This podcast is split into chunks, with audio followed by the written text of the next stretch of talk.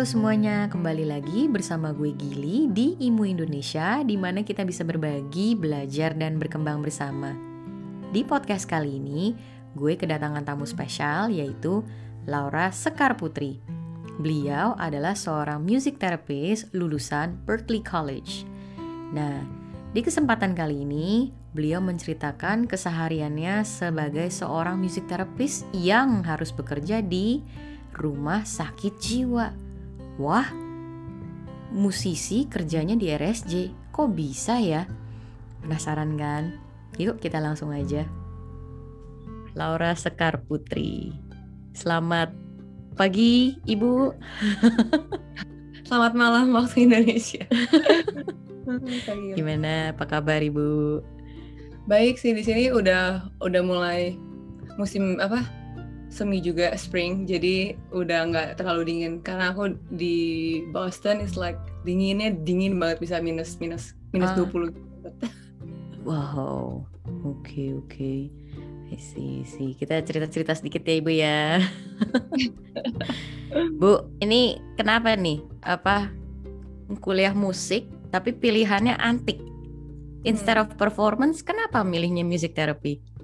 Boleh ceritain nggak nah, tuh boleh, boleh. Jadi aku cerita versi panjang aja ya kan kita ngobrol. Okay, so like um, awalnya aku sebenarnya pengen ambil jurusan film scoring kayak jadi komposer gitu.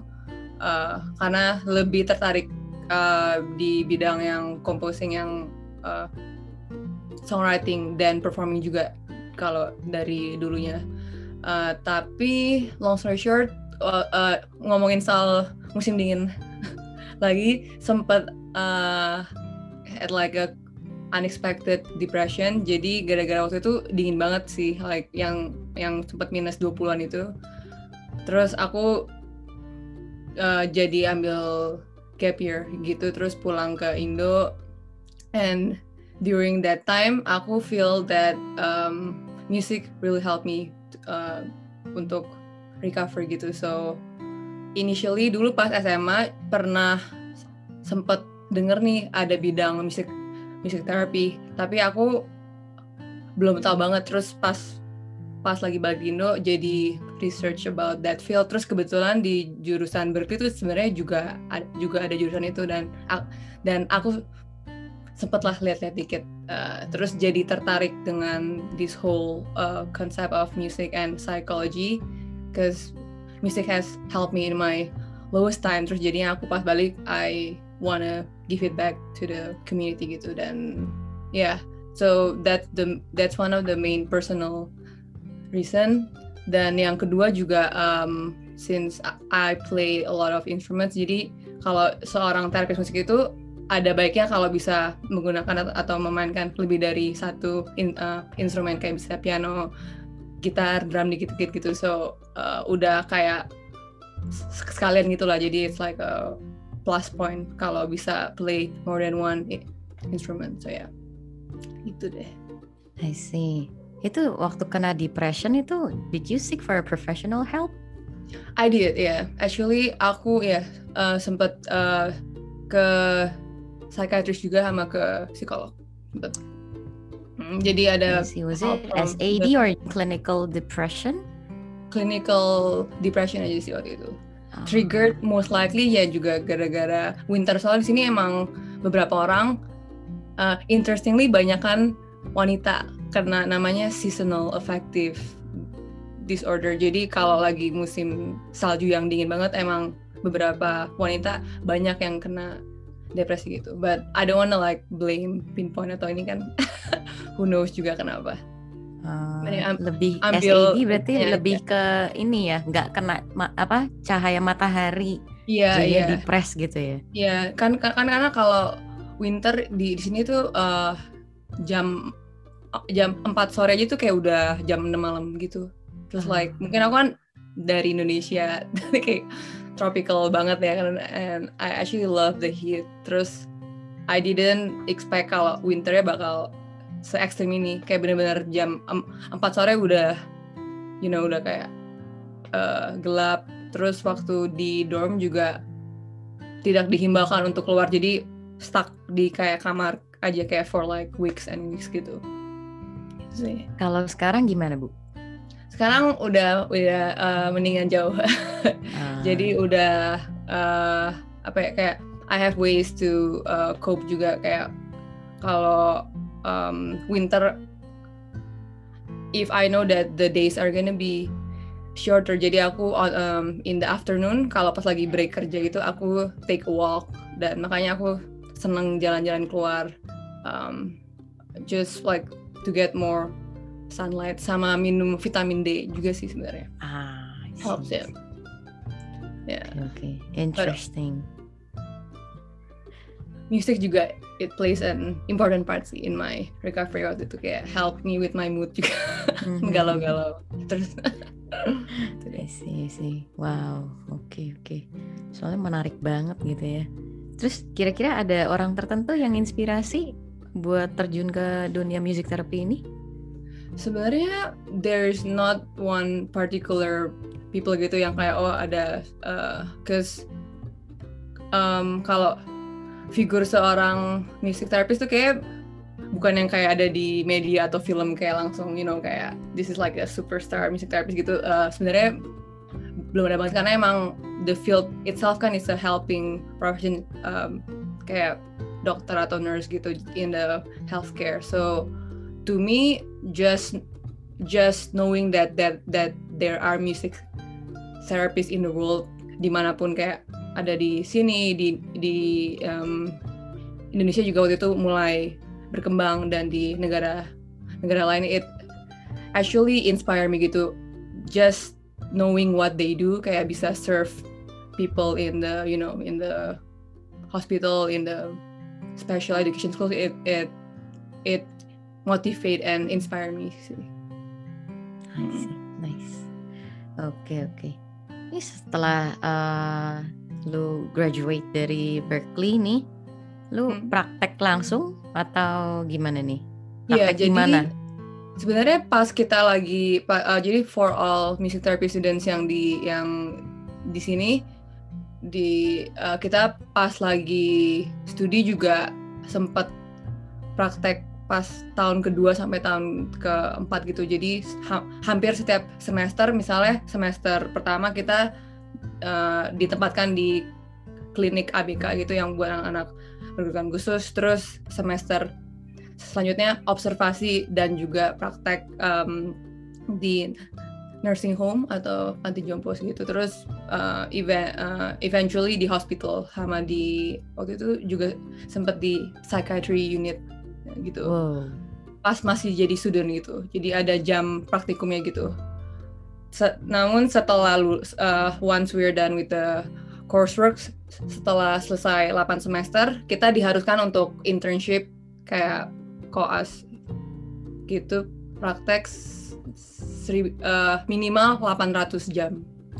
Jadi kebanyakan kita juga tembus 1000 jam sih clinical hours. Terus aku uh, waktu itu hybrid gitu internshipnya. Jadi sempat di Florida Hospital terus sama juga di nursing homes di uh, di, di di daerah sini juga I see. Jadi nih kalau uh, setelah graduate masih ini praktek di nursing home sama psych ward masih Mas ada. jadi waktu itu setelah setelah selesai beres internshipnya aku di hire di yang Beverly Hospital sama uh, Edison Gilbert Hospital dan nursing home yang di sekitar situ karena uh, uh, sebenarnya yang apa ya yang hire aku tuh di agency gitu sih. Jadi dia um, more of like a private contractor gitu. Dia ada kontrak di berbagai macam hospital dan nursing home which I prefer juga. Jadi kayak muter-muter. Enggak enggak cuma di satu tempat. Karena aku kadang nggak bisa diem. Oke. Ini menarik loh. Apa? eh kalau praktek di nursing home gitu, biasanya what kind of clients that you're dealing with? Hmm, jadi biasanya eh, klien saya itu em, lansia, elderly, suffering from dementia, from biasanya Alzheimer gitu penyakit Alzheimer. em, ada juga kalau di psychiatry unit, em, those with behavioral atau mood disorder sih.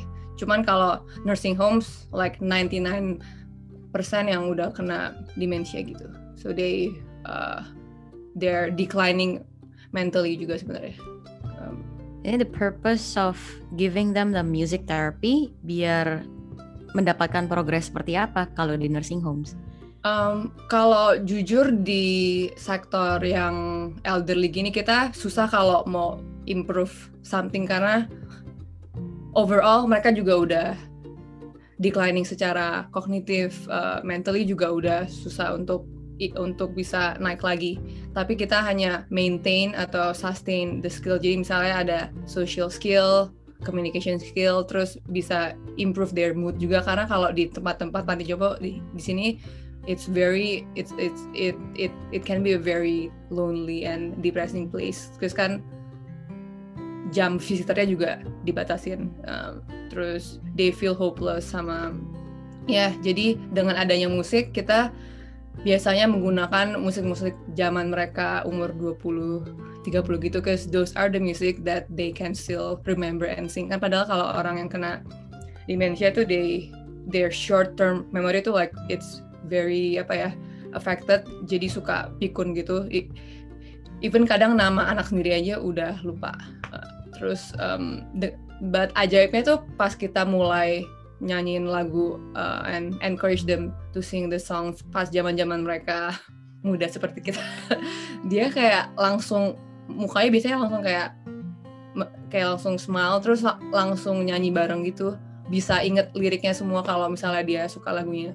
And it, it's it always blow my mind karena like kalau lagi masa ah, kalau pas lagi session itu tuh kayak mereka jadi pleasant and jadi jadi like aktif gitu so uh, it helps them to comply with the nurse and the staff juga kan karena bisa apa ya kayak it just helps their overall health and mood gitu the power of music yeah, the power of music. Yeah, it's wow. mind blowing sih sebenarnya lihat gitu. Ya, bicara kerja di nursing home. Um, have you ever faced a sudden death of your clients?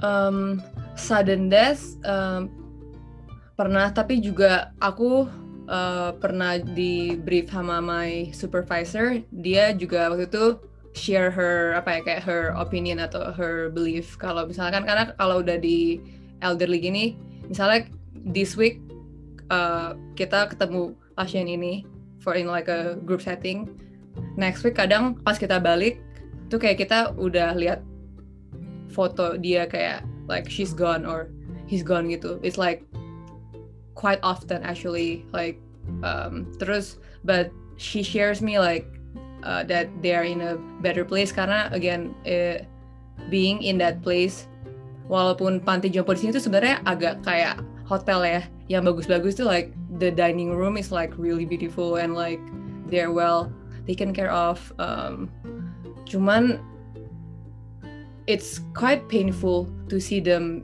you know in that setting kadang cause uh, they feel so ya itu kayak lonely and uh, kadang spouse-nya juga udah meninggal kan. So uh, for us when we know that ada pasien yang udah meninggal walaupun dadakan atau gimana pun uh, kita sebenarnya feel good maksudnya bukan kayak happy banget cuman like we are happy that they are in a better place gitu. Uh, hopefully.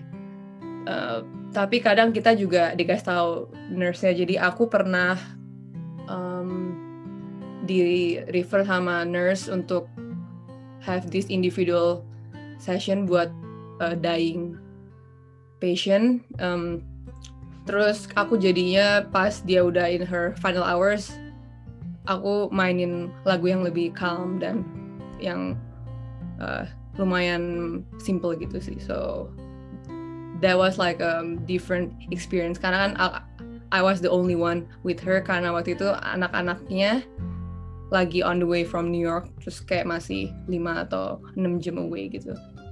But they really appreciate the uh, music and the company kalau misalnya kita di situ. Wow how did you cope with the first case of the sudden death yang harus kamu hadapin? Kalau ya the first case of the sudden death sebenarnya it kinda trigger me to apa ya waktu my grandparents pass away cause sometimes when I look at them I remember my grandparents juga uh, jadi sempat awalnya agak apa ya agak aduh jadi kepikiran my own you know popo kungkung dan sebagainya macamnya uh, but over time jadi lebih biasa gitu karena lumayan sering juga kayak every three weeks or so kadang kita tahu oh ini udah meninggal gitu terus ya udah ya harus bisa apa kayak namanya apa ya kayak not be too attach kali ya karena kan kita juga banyak kan cuman ketemu seminggu sekali dengan pasien-pasien yang gitu jadi hopefully uh, thankfully enggak terlalu kayak attach gimana gitu juga sebenarnya. I see, I see.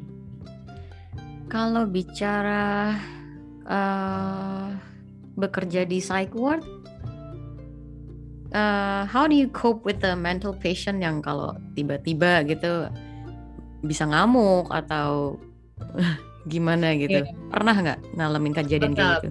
Uh, itu juga sering jadi sempat di training juga dan waktu itu kayak aku sempat share sama yang pas kita apa ada clubhouse meeting kayak sempet uh. yang waktu itu there's one time uh, when my colleague at me kita pas masuk ke unitnya langsung kayak ada yang runway kayak ada kayak udah nunggu kesempatan uh, pas kita buka pintu dia langsung kabur. kabur terus langsung ada sapem semua kayak langsung pada panik kayak langsung uh, alarm but that's more like outside the music therapy session. Dan akhirnya dia harus di chemically restrain jadi harus disuntik biar kayak lebih tenang gitu. Oh. uh, itu lumayan agak itu sih shock. Karena we were so close terus kayak dia bisa aja dorong kita sebenarnya untuk kita jatuh. Cuman untungnya waktu itu kita kita langsung mengelak gitu. So um, that's just one of example kalau yang bisa tiba-tiba uh, you know kabur. Hmm. kalau dalam session sendiri kadang ada yang tiba-tiba kayak langsung marah di tengah session terus langsung kabur dari ruangan eh, dari the music um, area juga. Karena kita biasanya ada group session gitu sih. Jadi rame-rame gitu kan um, terus kadang juga ada yang langsung teriak-teriak like um, but kalau prinsip aku uh, coba untuk tenangin pasiennya dulu jangan langsung kayak apa ya kayak kayak langsung lapor sana sini. Although kalau udah yang kasusnya ekstrim again kayak yang tadi pertama itu kan udah langsung obviously harus ada yang lebih uh, you know yang higher authority harus harus langsung restrain gitu. Cuman the the like just funny thing is kadang ada yang casually misalnya bilang uh, I'm the Messiah. Kayak tiba-tiba kita lagi lagi main musik terus terus terus kayak tiba-tiba kayak lagi say hi atau lagi di kayak tengah-tengah lagu di tengah-tengah lagu kayak dia bilang oh hi I'm the Messiah cuman kadang kita play along aja karena kalau misalnya kita apa ya play along dalam arti tuh ya udah kita kayak just go with it kayak cause kadang bisa ada side effect obat juga sih. Jadi aku always look at the bright side dan kita bukannya langsung stereotype oh dia gila nih. Kayak maksudnya masa dia klaim untuk jadi Yesus atau like just some spiritual like God gitu kan. Uh, karena again it sometimes could just be like side effect dari obat-obat keras yang mereka harus minum untuk menenangkan kondisi mereka gitu ini yang menarik yang pengen gue tanya itu kan hmm. tadi kan side effect dari obat yang mereka minum gitu kan. Ada nggak? Pernah nggak? Maksudnya side effect dari music therapy itself mungkin hmm. ke trigger gara-gara denger lagu tertentu gitu. Ada nggak? Bisa. Nah jadi uh, itu kemungkinan juga bisa banget uh, although kita biasanya tuh udah kasih songbook sebelum session mulai tadi aku lupa jelasin juga. Jadi kita biasanya udah kasih songbook kalau buat yang population setting yang ini ya. Yang buat um, uh, saat ini kita udah pilih sekitar 50 lagu yang uh, liriknya juga bukan yang aneh-aneh atau yang lagunya lebih neutral dan bukan yang kayak love song banget yang mungkin bisa trigger memorinya. past with like their you know uh, ex or something. Uh, jadi kita make sure the lyrics of the song and the mood of the song itself tuh lebih you know kayak lebih neutral dan hopefully enggak trigger their like bad experience. So thankfully selama aku praktek mainin kita belum pernah lihat yang efek ekstrim banget kalau ada yang kayak ke trigger uh, cuman paling cause music is very associated with emotions ya. Jadi kan kayak kita kalau denger lagu misalnya dulu gue pacaran sama si mantan ini terus dulu kita denger lagu itu terus kan kalau aku denger lagu ini sekarang kayak aduh jadi keinget sama si mantan nih gitu kan. So uh, we cannot prevent it karena kan kita juga nggak bisa tahu semua orang pernah denger lagu apa. Jadi paling the worst case dulu cuman ada yang bilang oh saya jadi keinget dengan si ini ini terus jadinya ya udah. Cuman apa ya uh, kita juga make sure se sebelum kita mainin lagunya sometimes kita tanya kayak oh kamu kenapa pilih lagu ini? Kayak boleh nggak cerita dulu? Jadi kalau misalnya dia tiba-tiba ceritanya langsung yang udah mengarah ke bad trigger gitu kita langsung bisa direct mungkin pilih lagu lain. Karena we wanna prevent the contraindication gitu kan. Kita mau you know just it's a it's a very powerful thing tadi yang seperti Kak Gil bilang. Music is such a powerful thing that sometimes it can really like uh, you know affect you negatively juga. Jadi harus hati-hati menggunakan. Dan makanya kita juga di train in that aspect. Wow, this is really interesting. Wow. Nih, setahu gue kalau jadi music therapist di luar negeri ya, apalagi gitu kan, kayaknya disaranin ya punya um, counselor gitu, biar kalian tuh jadi bisa counseling and maintain your sanity. Apalagi yang uh, sehari-harinya kerjaan kalian tuh harus ngadepin mental patient gitu kan, yang apa uh, yang di nursing homes juga. Hmm. Mm-mm. Nih ada nggak kamu counselor di sana? Um, yeah, uh, thank you for asking that question juga. Uh, sebenarnya my supervisor dari yang dulu uh, dulu pas aku internship, she's apa ya? She dia seorang music therapist juga. Cuman I also found her as like my mentor and my uh, kind of like my counselor karena um, kita kan kerja juga bareng kayak biasanya kita ke unitnya bareng dan segala macam. So whenever I need to talk, kita biasanya setelah uh, session atau sebelum ya aku langsung curhat-curhat aja and like di sini di American Music Therapy Association emang dihimbaukan untuk ada seorang supervisor atau clinical supervisor yang act as that counselor juga. Jadi boleh juga kalau mau cari counselor outside the work. Cuman for uh, currently for me, I'm fine with um, with my supervisor. Jadi I just utilize that working relationship juga sih. Karena kita kan juga udah serami kerja. Jadi and she's very friendly dan like always down to talk and she has a lot of experience kayak udah 15 tahun gitu. Wow, Hmm. wow. Hmm. Gitu deh. To know, good to know. Wow, wow.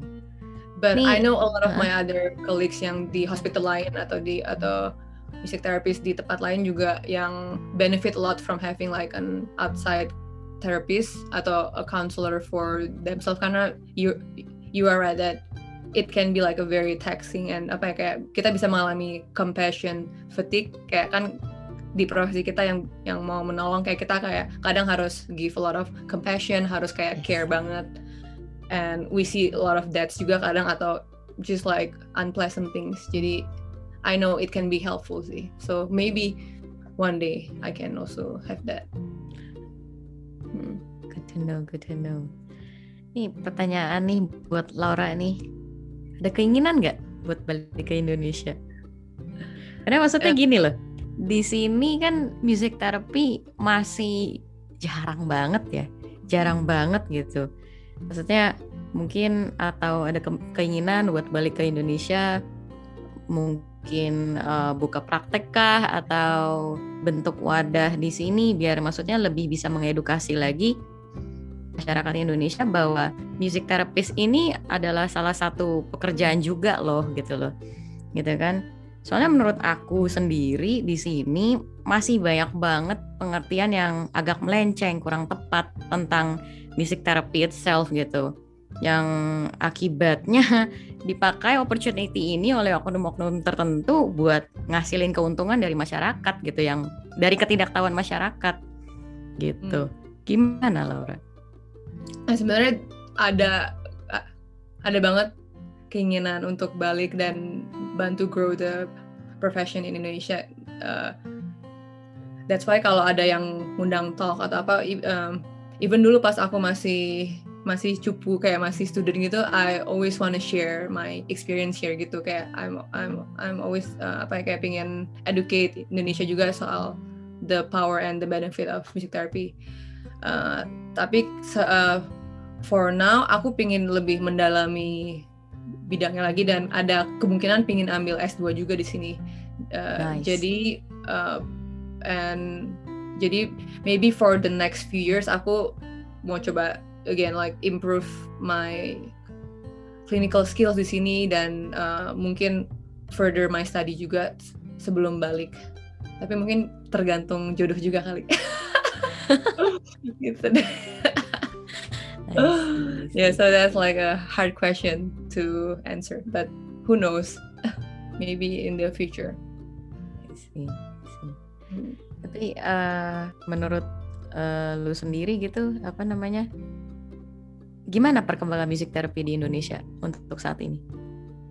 Untuk saat ini sebenarnya um, udah lumayan itu ya kayak udah lumayan berkembang from what I know dari tahun 2015 2014 pas dulu aku pertama kali research about the field. Sekarang uh, ada sekitar 8 atau 9 terapis musik yang aktif di Indonesia. Tetapi banyak kan tuh masih di Jakarta gitu masih di capital city kan jadi belum memencar ke daerah-daerah lain. Uh, dan ada juga mutual friend kita yang kerja di apa kerja full time di rumah sakit. Dan um, sebagai like a full time music therapist. Tapi uh, yang lain kebanyakan di bidang uh, anak-anak uh, berkebutuhan khusus atau buka private clinic sendiri. Um, but mungkin yang susah untuk convince the, the masyarakat itu kayak apa ya kayak just um, uh, just I think in, in Indonesia kita masih banget butuh untuk advocate the field itself dan perlu ada asosiasi. Makanya we're working on that juga untuk bisa lebih apa ya bisa give like a professional standard. Jadi kalau bidang-bidang lain seperti fisio apa fisioterapis atau yang di, itu, itu kalau di Indonesia udah udah disupport dengan menteri kesehatan gitu-gitu dan ada asosiasi yang jelas untuk biar semua kalau yang mau kalau yang mau jadi terapis tersebut ada standar-standarnya nih yang yang yang yang apa udah disahin banget dari pemerintah. Nah, kita masih belum di tahap itu and until then kayaknya agak susah karena uh, every country kan ada standar yang masing-masing harus disesuaikan dengan kebutuhan negara juga gitu. So, ya yeah, masih a long way but I see the potential sih sama ada minat-minatnya juga. Ada beberapa psikologis yang juga udah mulai tertarik untuk you know uh, know about the field dan hopefully juga in in the future hospital hospital bisa employ. Kayak seperti di sini di di, di banyakkan general hospital atau di um, di capital city di setiap state sudah ada music therapist di hospital yang yang full time dan uh, kadang ada yang ada yang sampai timnya ada 5 sampai 7 orang gitu di satu hospital. Jadi udah berkembang. So. Kita uh, harap maksudnya di Indonesia juga bisa jadi begitu ya. Iya, berharap juga bisa seperti itu. Sih, sih. Nih, kalau boleh tanya ada wejangan nggak buat teman-teman imu di sini kalau mereka siapa tahu juga pengen ngikutin jejaknya Laura pengen jadi music therapist juga gitu Iya, Uh, boleh. Step-step Jadi, apa aja nih yang harus dilakuin? Lakuin? hmm, oke. Jadi pertama kalau kalau mau jadi terapis musik, em, ada baiknya bisa mulai eh, mendalami atau practice uh, your instrumental skill yang tadi aku bilang ada ka- kalau di Amerika sih kita banyak kan menggunakan gitar karena gitar tuh gampang dibawa ke mana-mana kayak kalau kalau uh, piano kan kadang harus agak berat tuh nantanya atau pakai pakai keyboard jadi kalau yang belum pernah belajar gitar boleh go like just like get a head start on that Um, terus kalau yang malu-malu nyanyi seperti aku juga dulu malu banget nyanyi, karena aku lebih main instrumental gitu kan. Tapi kita juga harus menggunakan suara kita juga untuk encourage people to sing and juga untuk kadang talk just like verbally talk with the patient um, uh, dan ya yeah, dan just um, start apa ya kayak be open to all kinds of music. Jadi kalau jadi orang jadi seorang terapis musik itu kita harus tahu banyak banyak jenis lagu karena kita Genre. menggunakan patient preferred music namanya. Mis- misalnya Kak Gili suka lagu rock, terus ada yang lain suka lagu jazz. Kalau pasien yang lain suka even kalau di Indo mungkin dangdut or or keroncong kayak apa. Nah, kita diharuskan untuk apa ya untuk bisa at least satu lagu di setiap jenis gitu. Jadi walaupun kita enggak tahu lagu kesayangan, lagu favoritnya si pasien ini, kita bisa misalnya uh, lagu yang mirip-mirip gitu, yang di same uh, genre. Jadi jangan terlalu kayak terpatok dengan oh, gue maunya jagonya di satu bidang ini aja. That's fine if that's your you know goal and your dream. Cuman kalau uh, for a music therapist it's very helpful untuk bisa lebih you know open minded dan mengenal dan juga bisa you know play and sing in all of genre R R&B kayak klasik gitu-gitu semua. Nice. Yeah. You don't have to like master it uh, karena you know we also have to let go of perfection. Sometimes kan it um it, it it's not like a performance field where maybe ada pressure untuk kayak everything has to be like really really like good or perfect. Of course kita aesthetically juga mau offer the best uh, musically cuman in this field lebih penting untuk bisa connect dengan patient. Jadi yang tadi aku bilang, if we know the songs that they like atau yang lagu mirip-mirip gitu, it will really help gitu sih. Oke. Wow, nice, nice. Ah, Laura, kita udah di penghujung acara. Ada satu pertanyaan terakhir yang harus dijawab. Jadi, apa impian dari seorang Laura Sekar Putri? Oke, eh, kalau impian aku pengen jadi terapis musik yang lebih apa ya, lebih mendalami satu bidang khusus. Eh, misalnya kan ada ada yang lebih specify, specialized di, you know, kayak misalnya buat anak-anak berkebutuhan khusus atau yang di bidang autism. Terus ada juga yang mungkin medical setting di hospital ataupun ada juga yang di yang khusus belajar dan specialized di geriatrics atau buat yang Ah. elderly dan mental health gitu gitu. Jadi aku masih belum ketemu yang aku suka banget nih sebenarnya. Aku sama anak-anak suka, sama lansia suka, sama adult suka. Jadi I wanna find one that aku mau specialize bener-bener banget dan keep working on that. Uh, that's like my music therapy goal. Tapi other than that, aku juga pingin tetap produce music. So I'm also a music producer. Then aside from the music therapy jobs, um, I also want to keep on, you know, collaborating with people and hopefully bisa touch people's life with my music yang aku produce dengan teman-teman lain gitu. Ya gitu sih. Nice. Oke, Laura, thank you banget buat waktunya. Udah bersedia juga buat apa jadi narsum IMU hari ini. Tetap sukses, tetap, tetap sehat. Ini kalau teman-teman IMU nanya nih, eh, Kak kalau mau apa konsult sama Kak Laura bisa nggak nih gitu? Pengen cari tahu tentang music therapy lagi gitu. Kira-kira Boleh, iya. boleh nggak nih hubungin Laura nih? Boleh, Di mana? boleh boleh just contact my Instagram kal- kalau mau just give me a direct message at Laura Sekar Putri. Um, Oke. Kalau mau email juga boleh Laura Putri Sekar at gmail.com. Ah, And I'm. Always down to share and talk about music therapy. Jadi boleh. Hmm, Thank thank you you for having me juga, oke. Ya, thank you banget juga buat apa eh, kesedi- eh, kesediaannya. Wah, menarik, menarik. Oke, sampai jumpa in anytime soon by online. sure ya. Ya, tetap tetap sehat ya Laura ya, tetap semangat di sana. Oke, Thank you. thank you. Terima kasih untuk teman-teman Imu Indonesia yang telah menonton episode kali ini.